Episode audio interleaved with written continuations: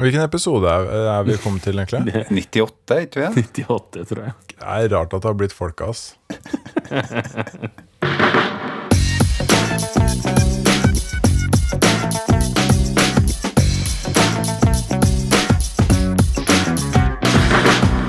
Du hører på Psykologlunsj, populærvitenskapelig lunsjprat med psykologene Tommy, Jonas og Jan Ole.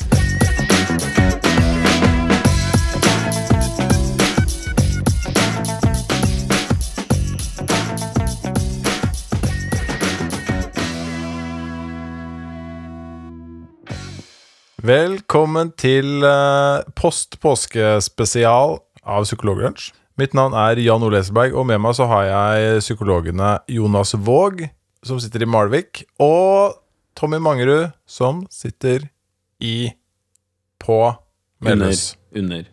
Ja, hva sier man egentlig? Nei, det her burde vi ha avklart for lenge siden. Vi har helt sikkert diskutert det før. Altså, altså, det er jo litt sånn eh, For de fleste nå så er jo Melhus bare et, et punkt på E6-en når du kjører Ja. mellom eh, eh, Oslo og Trondheim, eller hva som helst, og Trondheim. Så jeg ville egentlig sagt ved Melhus. På. Ja, siden av. Ved Melhus.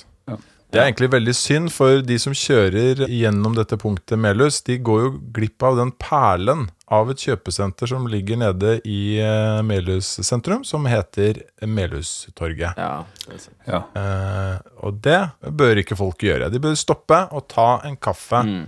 på kafeteriaen på, på Melhus, i, ved Melhustorget. Ja. Men ikke dra til Melhushallen, for den eh, ligger på Gimse. Og det, Det er på da blir det- Det er feil side. Feil side. det ligger Men- på andre sida. Der, der eh, holder svigermor til. Men nå har jeg en live oppdatering her. Eh, I stad skrev jeg da er det tid for opptak på Psykologlunsj-sida vår på Facebook. Ja. Og så Ja. fikk vi kommentar fra den eminente twitteren og forskeren og eh, alt mulig psykologspesialistmannen Joar Halvorsen, som Ja. eh, sier at vi må prioritere bedre. Det er både Juventus, Real Madrid og Sevilla Bayern München på TV nå. Oi, oi, oi. To tredjedeler av oss liker jo å Ja. se på sånne ting. Fint at du presis presiserer det. Det er fint. Det gjør vi. Men vi eh, jobber fortsatt med å komme over det sjokket at uh, Ole Einar Bjørndalen har lagt opp i dag, så vi tåler ikke eh, mer sport eh, i dag. Nei. Derfor har vi lagt denne opptaket til eh, nå. I dag så skal vi snakke om uh, gamification, og vi skal snakke om hvordan vi blir venner. Men aller først så kan vi kanskje annonsere vinneren av vår uh, forrige quiz. Ja. For uh, da vi annonserte vinneren av den quizen før der igjen, så kom vi i skade for å lage en spontanquiz av premien til den første vinneren. Premien til den første vinneren var en kopp, psykologlunsjkopp. På denne koppen står det 'A teacup full of brain'. Og da spurte vi våre lyttere hvor kommer dette sitatet fra? A teacup full of brain? Mathias Skrede var raskt ute med å si at det sitatet det kommer fra deres episode nummer 44, som handlet om kasuset Phineas Cage. Gage. Som, ja, som, eh, som fikk en eh, jernstang gjennom eh, hodet sitt, og på legekontoret så bøyde han seg fram, og da datt det ut uh, 'A teacup full of brain', ifølge legejournalen. Så det sitatet er fra den episoden. Det var en av de episodene vi faktisk forberedte litt, hvor Tommy hadde lest seg litt opp før han skulle snakke om den saken. Mm. I dag har vi to saker som ikke er spesielt godt forberedt. Og apropos Phineas eh, Cage eh, Gage. det, jeg, jeg tror du tenker på Cage. Eh, Nicholas Cage, dette sønnen hans, eh, spilte i en film hvor han prøvde å flykte fra Alcatraz. eh, sammen med en annen kjent eh, skuespiller. Og vi skal fram til det navnet på den eh, skuespilleren. Lager du en ny quiz nå? ja, det jo det. Nei, det ble ikke noen ny quiz. Det blir på episode 100 eh, på live. Nei, det blir det ikke. Ja. Eh, vi skal i alle fall sende eh, en kopp til eh, Mathias Skrede også. Mm. Skal vi ikke det? Jo, vi skal Han fortjener en kopp. Den eh, får du antageligvis innen to til tre år, Mathias, hvis vi opprettholder det arbeidstempoet vi gjør i dag. som er veldig, veldig lavt. Før den tid så skal vi snakke om gamification. Jonas, du har gravd fram Ja. noe om dette, dette motoret Ja. og fenomenet. Jo, jeg skriver jo eh, bok for tida, og da er det helt tilfeldig at jeg skrev et kapittel nå om gamification. Og heldigvis da, så passa det sammenfalt jo det med eh, det opptaket i dag. Så det, så det var jo hyggelig, da. Så det her har jeg egentlig forberedt ganske lenge. Eh, vet dere at eh, nye undersøkelser viser at amerikanske ungdommer bruker ca. 1 12 time på dataspill i løpet av en dag? Så lite? Ja, det var det første jeg tenkte. Det var det første jeg tenkte. òg. Det hørtes veldig lite ut. Nesten litt, eh, litt bekymringsverdig Ja, lite. men det var akkurat det jeg tenkte. Hva har skjedd Så- med ungdommen? Siste året på videregående viser norske undersøkelser at unge norske menn bruker ca. en time på dataspill hver dag. Hva gjør de da, når de ikke spiller? ja, det skjønner ikke jeg heller, altså. Altså, jeg har, jeg har gjort en sånn psykologundersøkelse, og det i hvert fall de, eh, en god del av de psykologene jeg kjenner, spiller over en time dataspill hver dag. Mm. Hvis du da tar med mobilspill og sånn. Hva, hva, var det dette tallet du sa om norske menn, var det reelt? Ja. Nå, det må jo sies at uh, Det, det hadde vært interessant å ha et tall på hva, hvor mye de som spiller, spiller. Fordi jeg spiller ikke i det hele tatt. Nei. Eh, Så jeg er jo, jeg er jo en ikke-spiller og vil jo trekke snittet blant oss tre ganske kraftig Å ja, ned. sånn, Men hvis vi bare regner snittet blant de som faktisk eh, har over eh, null Mm. timer om dagen Ja, ja det, er viktig at det, at det norske tallet er uh, da halvparten av norske menn spiller over én time med dataspill okay. hver dag. Så de kan jo spille er ganske mye mer. Mm. Det er sant. Eh, men eh, vi skal inn på gamification. Og det altså dataspill og TV-spill og sånne ting. Altså Nintendo, eh, PlayStation, eh, Xbox eh, Sånne type ting har jo blitt sett på som ting som drar oss unna arbeidet. Altså, eh, jeg husker på da jeg var, eh, gikk på skolen på videregående, så så var det enkelte spill som hadde sånne boss key-knapper, hvis dere husker på det. Nei.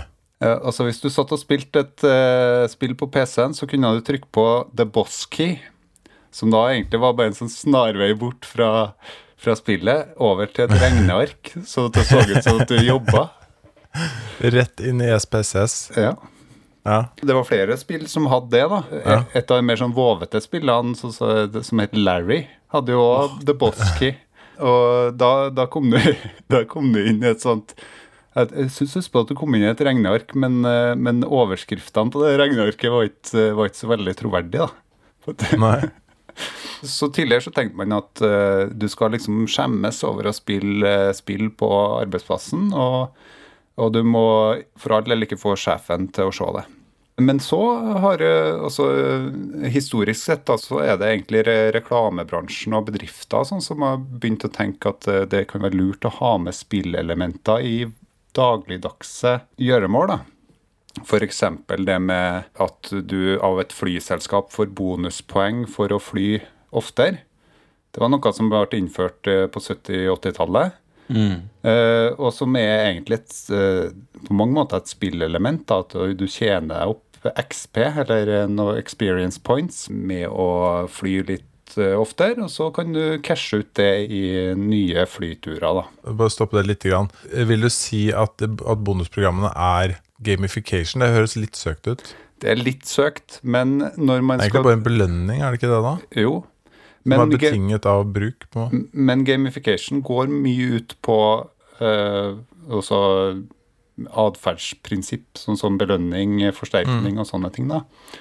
Eh, Så mye av dem altså nå når man begynner det, Gamification er egentlig et ord som har eh, hatt sin vitenskapelige oppblomstring sånn uh, rundt 2010. Eh, Så et relativt nytt ord. De har Altså Innenfor IT-bransjen så snakker man om det ordet som kanskje det, det mest hypa ordet for, for tida. da. Som egentlig er noe som alle eh, alle snakker om, men hvor man kanskje ser altfor mange muligheter med det. Eh, Ja. sånn, at, eh, sånn at det er på samme nivå nå som VR var for kanskje 10-15 år siden.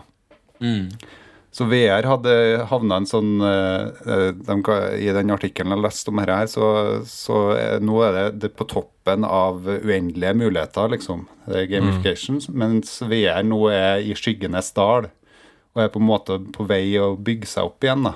Så gamification kommer nok eh, trolig til å havne nedi dalen en periode, da, når vi får se hvor eh, Altså få litt mer realistisk bilde av hva det kan eh, bety for noen ting, da. Men for folk som ikke vet hva gamification er, så handler det da om å ta med de tingene som gjør at vi blir hekta og leken og motivert for å spille et spill, og bruke store deler av tida vår på det. Ta ut de elementene som gjør oss nettopp motivert da, inn i, eh, i aktiviteter hvor det ikke er spill fra før. Da. Sånn som f.eks. arbeid eller læring. Så i Norge så har vi kanskje det mest eh, kjente sånn eh, gamification-elementet som trekkes inn i læring, er jo, er jo Kahoot. Det er jo en måte å lage et gameshow egentlig ut av enhver forelesning. Og Kahoot er er jo en måte å Altså, ideen bak Kahoot er jo at du nettopp får umiddelbar tilbakemelding på hvor mye du har lært, samtidig som du har et konkurranseelement i det som gjør at eh, folk eh, blir engasjert i det, og samtidig så får du en sånn form for belønning da, hvis du ser at du går opp og opp i poeng. Når man eh, ser på de andre områdene hvor man prøver å trekke inn gamification-element, så har man begynt å snakke om å bruke det i arbeidslivet òg, da. Men der er ikke overføringsverdien så enkel. Fordi at når du begynner å skal si at du skal trekke inn spillelement i arbeidet, så kan det hende at du gjør noe med arbeidsmiljøet. Altså eh, ved at du trekker inn et konkurranseelement, som er det, ofte, det som oftest blir brukt, sånn f.eks. I, i salg. Hvor du da har at du, det ringes i bjella hvis eh, du har oppnådd et nytt salg. Og du stilles opp på lista over, eh, over dem med flest mulig salg. Så tar du bort egentlig det elementet av at du jobber og konkurrerer med deg sjøl, fram til at du konkurrerer med dem, eh, dem med arbeiderne dine. Så ved at du lager sånne type leaderboards eller, eh, eller eh, poengsystemer, så kan du også være med å forstyrre et arbeidsmiljø som kanskje var eh, ok i utgangspunktet. Ved å trekke inn de konkurranseelementene. Så det er noe av det de som skriver om gamification nå, nå for tida, snakker om som, kan, kan, som noe som kan være negative effekter ved det. Men når du ser på den tankegangen som er bak utviklingen av spill, og tankegangen som er bak hvordan du skal utvikle et arbeidsmiljø som gjør arbeidstakerne motivert og produktive, så er det mye av de samme psykologiske, teoretiske modellene som brukes. Annet en som er veldig eh, populær eh, eh, modell, er jo den flytmodellen til han jeg ikke orker å si navnet til, for at jeg sier det bestandig feil. Kanskje Jan Ole, du kan si det? Kan jeg si det? Ja. Det er han- Mihailis. Yes. Husker det. Ja, det høres bra ut, det, Jonas. Ja. Det er nok riktig. Nei, eh, den flytmodellen er jo bygga på egentlig bare to prinsipp. Altså at, eller to, at det, er en vekting mellom eh, ferdigheter og utfordringer som gjør at du havner i en sånn situasjon at du opplever en sånn intens eh, eh, fordypelse i det du holder på med, og igjen eh, opplever at du er mer sånn motivert for å lære deg noe nytt, eller å, å, å fordype deg i du, den aktiviteten du holder på med. da. Eh, Så ved at du hele tida lager et, eh, lager et spill som, eh, som eh, i utgangspunktet er litt mindre krevende som på ferdighetssida, men samtidig, sam, samtidig såpass utfordrende at du hele tida opplever at du, at du strekker deg mot noen ting. Eh, Det er det de gjerne prøver å bygge opp et spill etter.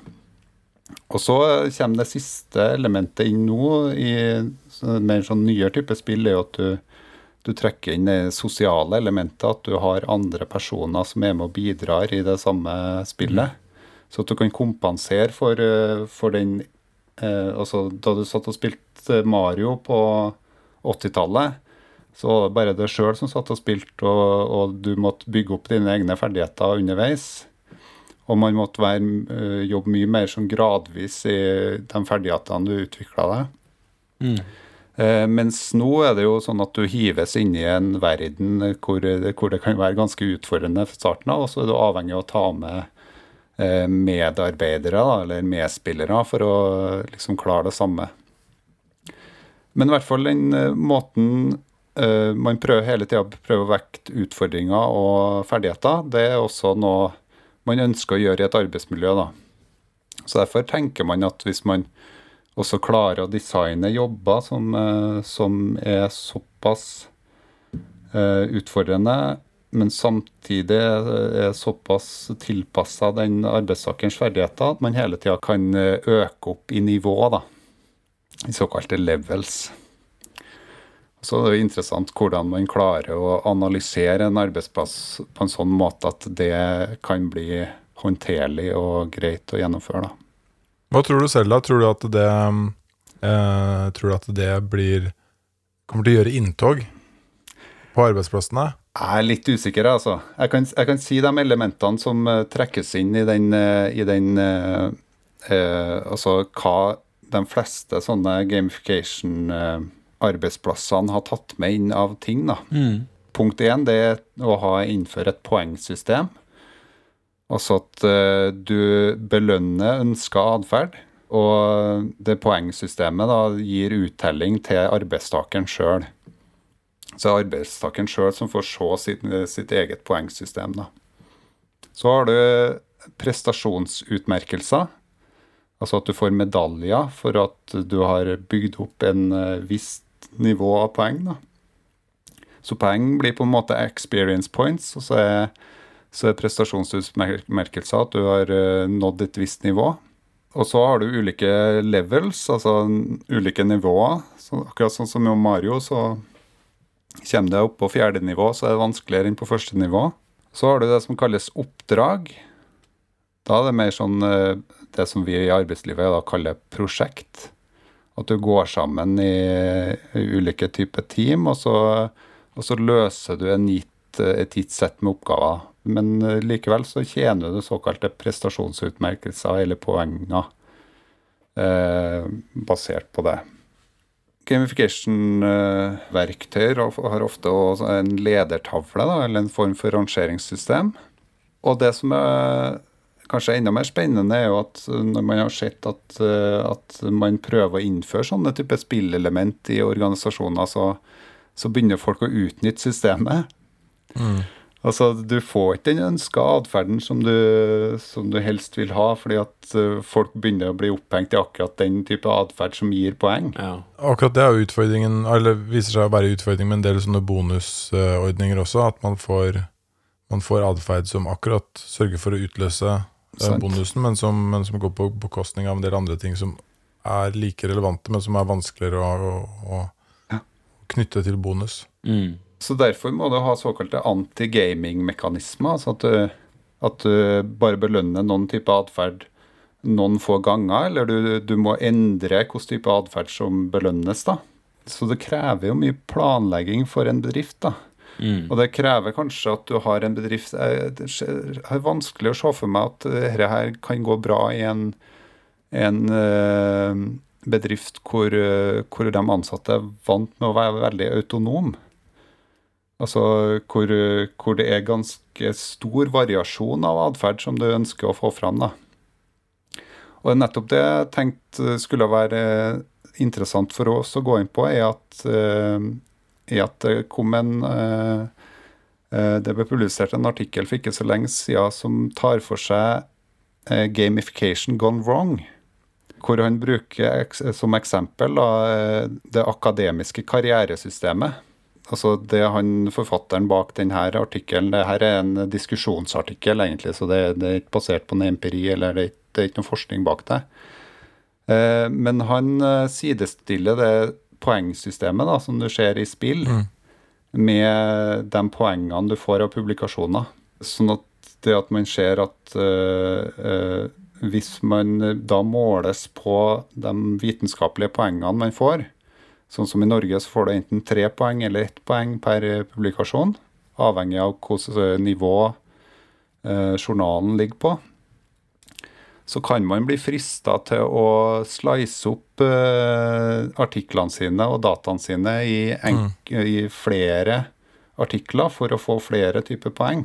Ja, for hans konklusjon er vel at eh, systemet favoriserer de som klarer å få flest mulig artikler på færrest mulig data. Ja. Så han, han, uh. ja, han, han tenker egentlig at uh, altså, det han argumenterer for, er at det er en god tanke som ligger bak å belønne forskning som har et vitenskapelig nivå, og, har, eh, og gjerne og at du får litt ekstra penger det, dersom artikkelen din eh, er på det nivået at det gir best uttelling. Da. Men det medfører også at folk vil prøve å utnytte litt når man ser hva som eh, gir belønning. Så den som er god til å spille det akademiske karrieresystemet, da, mener han, er den som klarer å slice opp mest mulig eh, og tjene mest mulig penger, sånn at en kan søke forskningsmidler. Fordi at, eh, fordi at akademiske poenger gir også forskningsmidler. Og så må man også passe på å skrive artiklene på en sånn måte at det er så tilgjengelig at flest mulig siterer det. Eh, og gjerne da sitere personer som man vil skal sitere seg sjøl, og sånne type ting. Og det kaller en for det man da kaller prestasjonsutmerkelser i gamification-språket. Altså når du da blir førsteamanuensis etter at du har tatt en doktorgrad, så eh, begynner du jobben med å slice opp eh, eh, artiklene dine sånn at du får flest mulig poeng, sånn at du kan på fortest mulig måte samle inn nok utmerkelser da, til å bli professor. Så han trekker egentlig det løpet med å prøve å få til å gjort alle de aktivitetene som gjør at du kan bli professor. Det kaller en egentlig en, en jakt etter å få sånne awards, da. Som kanskje ikke handler om at du har rykka opp et nivå i kunnskap, men det handler mer om at du har rykka opp et nivå i, i erfaring. Det er ikke nødvendigvis sånn at han setter uh, Han betrakter det, bare han går ikke sånn uh, veldig strupen på det på et vis. Annet enn at han kaller artikkelen 'Gamification gone wrong'. da. Det, Subtilt hint. Ja, det, Men det er, ikke, det er jo ikke en ny diskusjon, akkurat det. øh, kritikken av det um, tellekantsystemet. Og det er jo, det er jo kanskje Det er kanskje ikke så mange utenfor akademia som er klar over hvor, hvor hardt det systemet egentlig er på sånn ren belønning og scoring av arbeidsinnsats. Det, det, det er ganske spesielt. Og jeg tror man, man tenker kanskje at ja, men mange av disse forskerne jobber i det offentlige, og det er så trygt og godt. Og, men livet som forsker er ganske preget av det kjøret der. Og det er jo flere studier som har vist at uh, kanskje spesielt uh, doktorgradsstipendiater uh, har, får en del utfordringer med den tilværelsen. Så det Etter å ha lest en del litteratur på området, så ser jeg det at eh, det er nok vanskelig å organisere en bedrift etter en sånn gitt sett med sånn gamification-elementer. Men hvis du skal ha et prosjekt om noen ting, hvor du ønsker å få fram en ønska atferd, da, så kan det nok ha noe for seg. Altså at uh, Hvis det handler om eh, nå skal vi bli papirløst på sykehuset, f.eks. Eh, så, sånn som vi har snakka om i, i det vide og det brede over lang tid. Eh, så kunne man kanskje der ha hatt en sånn form for uttelling, eh, poengsystem, for at man lar være å trykke på skriv ut-knappen, eller at man overfører på et eller annet måte. da. Og at man da klarer å se de fallgruvene man kan gå inn i. Men det er interessant likevel hvordan man kan analysere hvordan bedrifter er utforma etter eh, med mer sånn spilltermer, og kanskje heller mer sånn atferdspsykologiske termer. For det er jo det det Ja. går ut på, egentlig. Fordi da du, da du tok opp dette, så tenkte jeg egentlig mm, eh, først og fremst på et, sånt, et prosjekt som jeg hørte om for en god stund siden. Jeg tror det ble starta i 2008 eller noe sånt, nå, et, eh, som heter Foldit. Ja. hvor, hvor man eh, Hvor man ba folk egentlig indirekte om hjelp da, til å finne ut hvordan man best foldet forskjellige proteiner. Mm. Eh, ja, ved å bare sette de i et spill hvor man gjorde det. Eh, Mm. og, så, og så var det spillet rigga sånn at man ble belønnet for å finne løsninger som var gode. Ja. Og det eh, Jeg vil jo tenke at det hørtes ut veldig spennende og banebrytende ut da, men det er jo ikke sånn at vi hører masse om det nå, at man prøver å løse medisinske gåter med gamification. Det er sikkert en del prosjekter som gjør det, men jeg vil tro at det iboende problemet til akkurat sånne prosjekt er at de konkurrerer mot spill som ikke har den begrensningen at de må, eh, må prøve å løse en eller annen eh, vanskelig gåte. Mm. Altså, Fold It er spennende og sikkert eh, kjempebra, men det konkurrerer med eh, Fortnite. Mm. Eh, så, så det er begrenset hvor mange, hvor mange mennesker som kan sitte og spille spill som er halvgode, og som har dette eh, veldig fine formålet, men som, som ikke er kjempegode spill. Mm.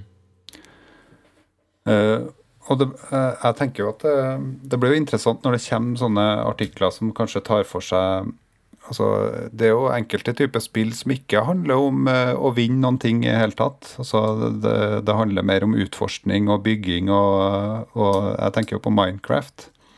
Altså Mm. sånn eh, eh, hvor, hvor du egentlig blir gitt bare et sett med verktøy, hvor du kan gå opp i ferdighetsnivå der òg, men det handler om å, å lage seg en verden. da. Mm.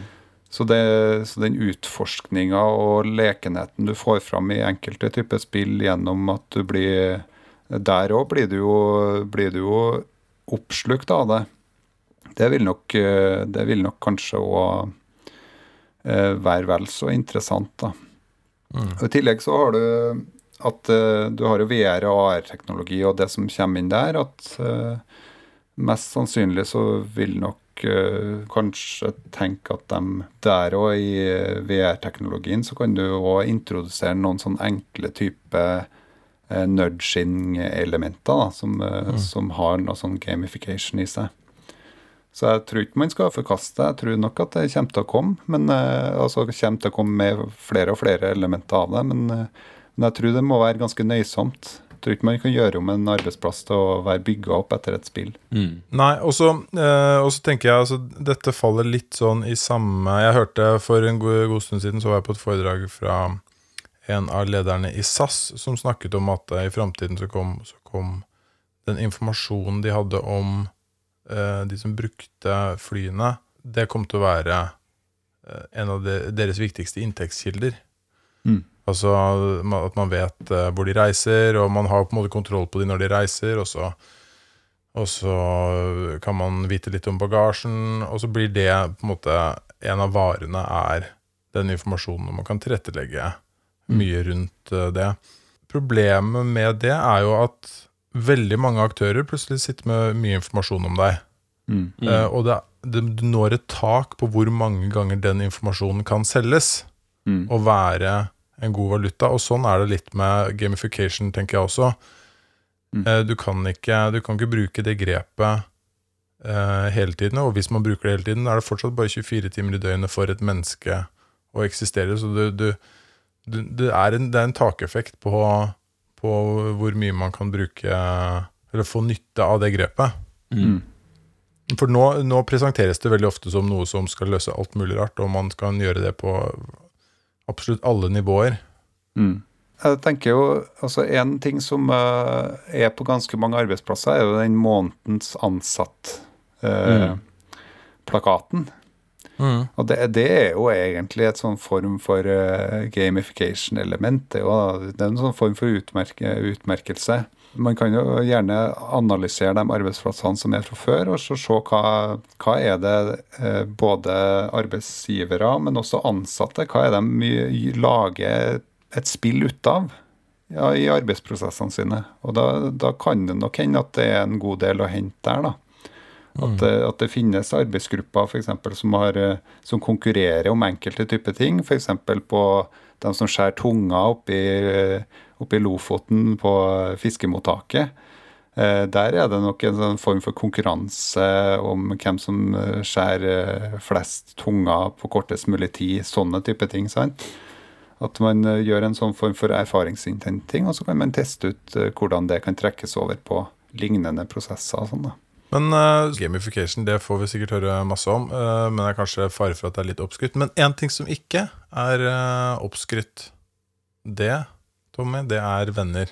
Ja, det er sant. Skulle ønske jeg kunne få meg flere. Hva må jeg gjøre for å få flere venner? Ja, du kan jo begynne med å fundere på For jeg vil jo anta at eh, vi vil eh, kalle oss venner, da, vi tre. Um, så kanskje ikke Eller også Jonas. Det er jo- det er jo- den var drøy, ass. Ja, altså, Hvis du driver med sånt, da? Er vi, så, er vi så, sånn slemme med hverandre og sånn på Psykologlunsj? Nei, det er jo ikke Men, men hva, hva, er det som, hva er det som gjør at vi kaller hverandre venner? da? Hva er det som er årsaken til at man kaller hverandre venner? Og ikke bekjente eller, eh, eller noe sånt noe? Det er et godt, uh, godt spørsmål. Jeg vil jo kanskje si at det er uh, Det er lett og veldig lett å prate med dere. Det er jo masse felles uh, interesser. Mm. Så jeg er ganske sikker på at vi kunne ha dratt på en tre måneder lang hyttetur uten å gå tom for tema. Mm. tema. Men, mm. men du er jo egentlig Du har jo mye til felles med andre mennesker òg, som du mer eller mindre er på en tre måneder lang hyttetur med. Altså f.eks. dine arbeidskollegaer. Mm. Dem tilbringer du jo veldig mye tid med og har veldig mye til felles med. Men uh, av en eller annen grunn så er det mange av de man ikke kaller vennene sine. Da. Mm, hmm. Men, uh, men uh, ja. har, det noe med, har det noe med uforpliktende tid å gjøre? Altså, Ja. u, u, u, altså ingen I hvert fall ikke i utgangspunktet ingen forpliktelser. Gange tid. Har det Ja. noe med det? Ja, du er inne på noe, i hvert fall. Men uh, jeg skal bare si en ting først, som jeg egentlig ikke tenkte å si så mye om. Men siden du sa at, uh, at det med venner er uh, Hva var det du sa, Jan Ole? Om du sa det var viktig, eller hva det nå er? Eh, ja. Fordi jeg sa, det sa det. Jeg, kom med den kontro jeg kasta det ut der. Det er kontroversielt, jeg Ja. vet det. Men jeg sa det. Venner er, eh, tror jeg er viktig. Det, det er sant. Nei, fordi at um, Skal vi se nå, det var Jo. Det er jo gjort noen, noen studier som har funnet ut at eh, det å ha venner er noe som holder oss eh, ved bedre helse, både fysisk og mentalt. Hvis man ikke har Jeg føler at man er sosialt knytta til andre mennesker, så, eh, så kan man bl.a. blant annet eh, se at man eh, har en større risiko for å drive på med røyking og er overvektig og litt sånne type ting. Så vennskap er viktig. Ja, Nei, men eh, nå skal jeg gå litt til sakens kjerne her. En gang tidligere så snakka du, Jonas, om eh, han godeste Robin Dunbar, gjorde du ikke det? Ja. Ja. Dunbars number. Dunbars Ja. number, yes. Uh, men jeg har som- møtt, vet du. Jeg har sittet og prata med han, jeg. Ja, se der, ja. Ja, da. Mm. Er dere venner? Eh, nei, det vil ikke jeg si. Mm. Jeg var ikke en del av hans 300 venner på Facebook. Nei. Ja, for det var det vi snakka om da. ikke sant? At han har et sånt tall hvor han mener Eller han har forska på hvor mange relasjoner er det meningsfullt og hvor mye greier hjernen vår å håndtere og, og håndtere, da, av eh, av eh, venn, vennskapsrelasjoner, eller bekjentskapsrelasjoner. Så um, denne forskninga er inspirert av Dunbar sin forskning. da. Det er en artikkel som ble publisert i Journal of Social and Personal Relationships uh, av en eh, professor som heter Jeffrey Hall. Og um, eh, Dunbar da, han eh, har delt inn eh, de her typer relasjoner man kan ha til mennesker i ulike kategorier. Det er bekjente, altså personer du vet av, eller som du kan navnet på, de, ja, de mest perifere på Facebook-lista di. Eh, og så har man eh, eh, perifere venner, altså, som du ikke er så nær med. Og så er det venner, og så er det gode venner. da. Det er de fire kategoriene han har eh, brukt. da. Og de her Dunbars number, det er de ulike tallene om hvor mange personer vi har en tendens til å eh, putte i de ulike kategoriene. Eh, Det som står referert i denne eh, omtalen, er at eh, Det er som regel fem, ca. fem, opptil fem personer man kaller nære venner. Og så er det 15 som man eh, omtaler som eh, gode venner, og 50 som man kaller venner. da. Eh, Og at kanskje en sånn ca. 150 som er den det, det, det tallet på hvor mange relasjoner du har på greier å håndtere på enhver tid. da. Ja. Men det som ikke han Dunbar har forska så mye på, det er hva, hvordan greier du å skaffe deg venn, eller hvordan er det de her eh, relasjonene hopper fra den ene kategorien til den andre. Eh, og det er det som var temaet her, da. Eh, det man fant ut, det var at man har gjort forskning på personer som akkurat har flytta til et nytt sted. Og så har de bedt dem om å eh, rapportere da, hvilke mennesker de møter, og hvor mye tid de bruker med dem, og hvordan de eh, bruker tida. Eh, og så har de fulgt dem da over, over en stund. Og det de har funnet ut, er at det er eh, den viktigste faktoren er hvor mange timer man tilbringer med de personene. Det er liksom Det var den store konklusjonen, da. Ja. Så eh, han Hall han fant ut han lette etter sånne cut-off cut off points. da Altså når, når er det folk switcher fra den ene kategorien til den andre. Uh, og det han har funnet ut, er at det tar ca. 50 timer med interaksjon, da, eller med kontakt med en, eh, en bekjent, for at den personen skal gå over i det du omtaler som en perifer venn. Og så tar det ca. 90 timer mm. for perifere venner til å bli en venn. Og så er det da mer enn 200 timer for at du skal kunne kvalifisere som en eh, bestevenn, da. Eh, Er det, snakker, vi, snakker vi snitt nå, eller blant eh, be- bestevenner, eller eh, er det eh, Eller er det putt to stykker sammen i 200 timer, så blir de bestevenner? Uansett hva de måtte mene på forhånd. Ikke sant? Det hadde vært kjempegøy. Ja, bare, bare for å ta akkurat det, det han gjorde der, det var det at uh, han lette etter sånne cut-off points der det var mer enn 50 sannsynlig at, uh, at, at det byttet foregår, da. Ja. Ja. Men uh, det er jo altså det du er litt inne på, det er jo ikke bare nok å putte personer i et rom da, eh, sammen og se om Og så bare automatisk så blir de venner. Um, for det var jo det her med for, Arbeidskollegaer var et eksempel som, eh, som de tok, da, at eh, det, det er- det er personer du tilbringer mye tid med, men som du kanskje ikke omtaler som venner, og kanskje du ikke liker dem engang. Um, og da hadde han jo da kommet fram til den meget overraskende uh, Det overraskende funnet at det, det har noe med hvordan du interagerer med de menneskene òg. Ja. Eh, så, så når du gjør det er, det er vel oversett som når du gjør type venneting Jeg aner en sirkularitet der. eh, så, Sniker så har du en større sannsynlighet for at de personene blir en, en venn. Da. Så for eksempel, da, eksempelet som står her, det er hvis du spør hvis, hvis to stykker møter på hverandre, og du sier den ene spør den andre en, Så hva er det som har skjedd i livet ditt i det siste? Så har du en større tendens til at det blir en venn enn om du bare går forbi og sier hei. ja. Eller hvis eller, hvis, eller, eller hvis noen går forbi og sier eh, Har du levert den rapporten eh, som jeg ba deg om i forrige uke? Det er ikke det, er ikke det samme. Det er ikke det Eller, samme. eller enda, enda verre, går forbi og sier hei, og så går du bak i 200 timer for å se om det blir venn. Gå en halvmeter bak på en 200 timer lang spasertur. Ja. Men, eh, men eh, et lite innspill her, for vi, vi, kan, vi kan le av det. Men eh, det er jo faktisk gjort noen studier hvor man har instruert folk i å snakke om venneting. Og så har man også en annen gruppe hvor man har instruert i å snakke om helt meningsløse, kjedelige ting. Og det er ikke bare sånn at de som liker hverandre, snakker om venneting. Det er også litt sånn at de som snakker om venneting, eh, blir eh, mer vennete av seg. ja.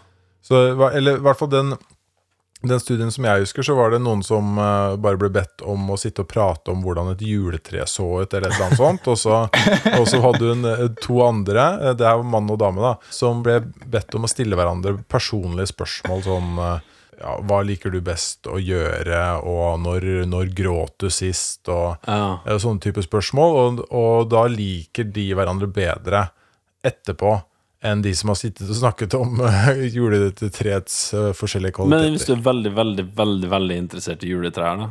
Ja. Ja, ja, da, da løsner det jo selvfølgelig. Ja. Da hopper du over rett over de 200 timene, og bare en halvtime så er du bestevenner. Men du, det er for så vidt et godt poeng. For at, eh, hvis du er en person som er eh, ekstremt interessert i juletrær, så tenker jeg at sånn utvalget av eh, personer med felles interesse juletre er ganske liten. da Så jeg tenker at da ville du kanskje nøyd deg med 20 timer, og så hadde de vært eh, bestevennen din. Hvis et juletre var det eneste du brydde deg om. Mm. Så det, det må dere tenke på. Nå lurer jeg veldig på om det finnes eh, egne nettverk for juletrefantaster. Ja. Kan noen eh, av lytterne ta google og prøve å finne ut av det, spore opp om det finnes noen sånn hemmelig uh, sånn uh, Facebook Ja, det finnes sikkert en Facebook-gruppe for oss som liker juletrær Ja, på en ikke veldig ordinær måte. Ja. Det er en annen gruppe igjen, Tommy. Det er kanskje en annen gruppe, ja. Og, og hvis dere finner tak i det og poster det på psykologlunsjgruppa, så Nei, Jonas. Nei, det. Dette, dette, er, eh, dette er jo kjempeinteressant. Nå, har jo, nå begynner vi å nærme oss 200 timer med innspillingstid på denne ene podkasten her. Eh, Så jeg tenker at vi sakte, men sikkert skal avrunde dette, sånn at Mm. Sverres oppgave, vår, eh, vår klipper slash produsent sin oppgave, blir overkommelig. Mm. Er det et eller annet vi, Har vi glemt et eller annet nå?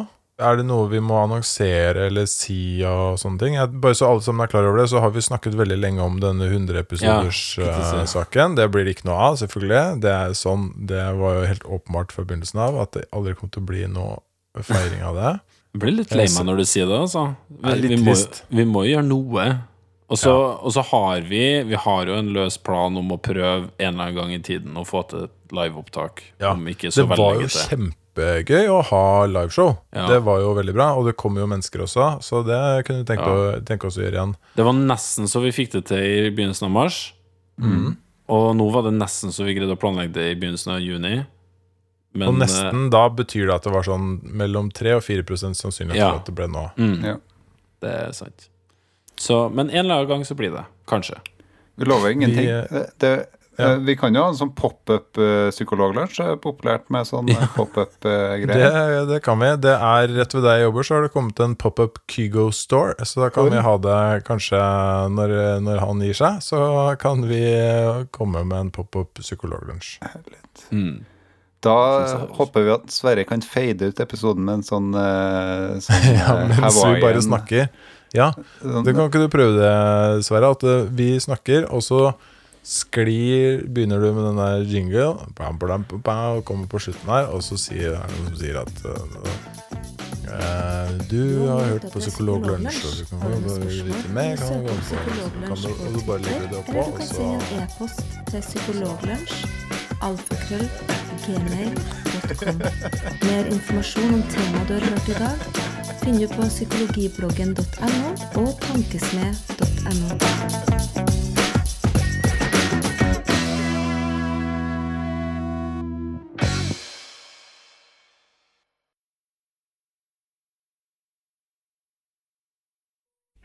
Hvis jeg skal gjette, så hadde ventet til akkurat nå med å fade akkurat det er, Men det er bare fordi Eller, du eller kanskje sa det. vente at den fikk med det poenget der, og så ta Ja, ja, ja. Ja, ja. Ballen er i ditt hjørne nå, Sverre. Mwahaha.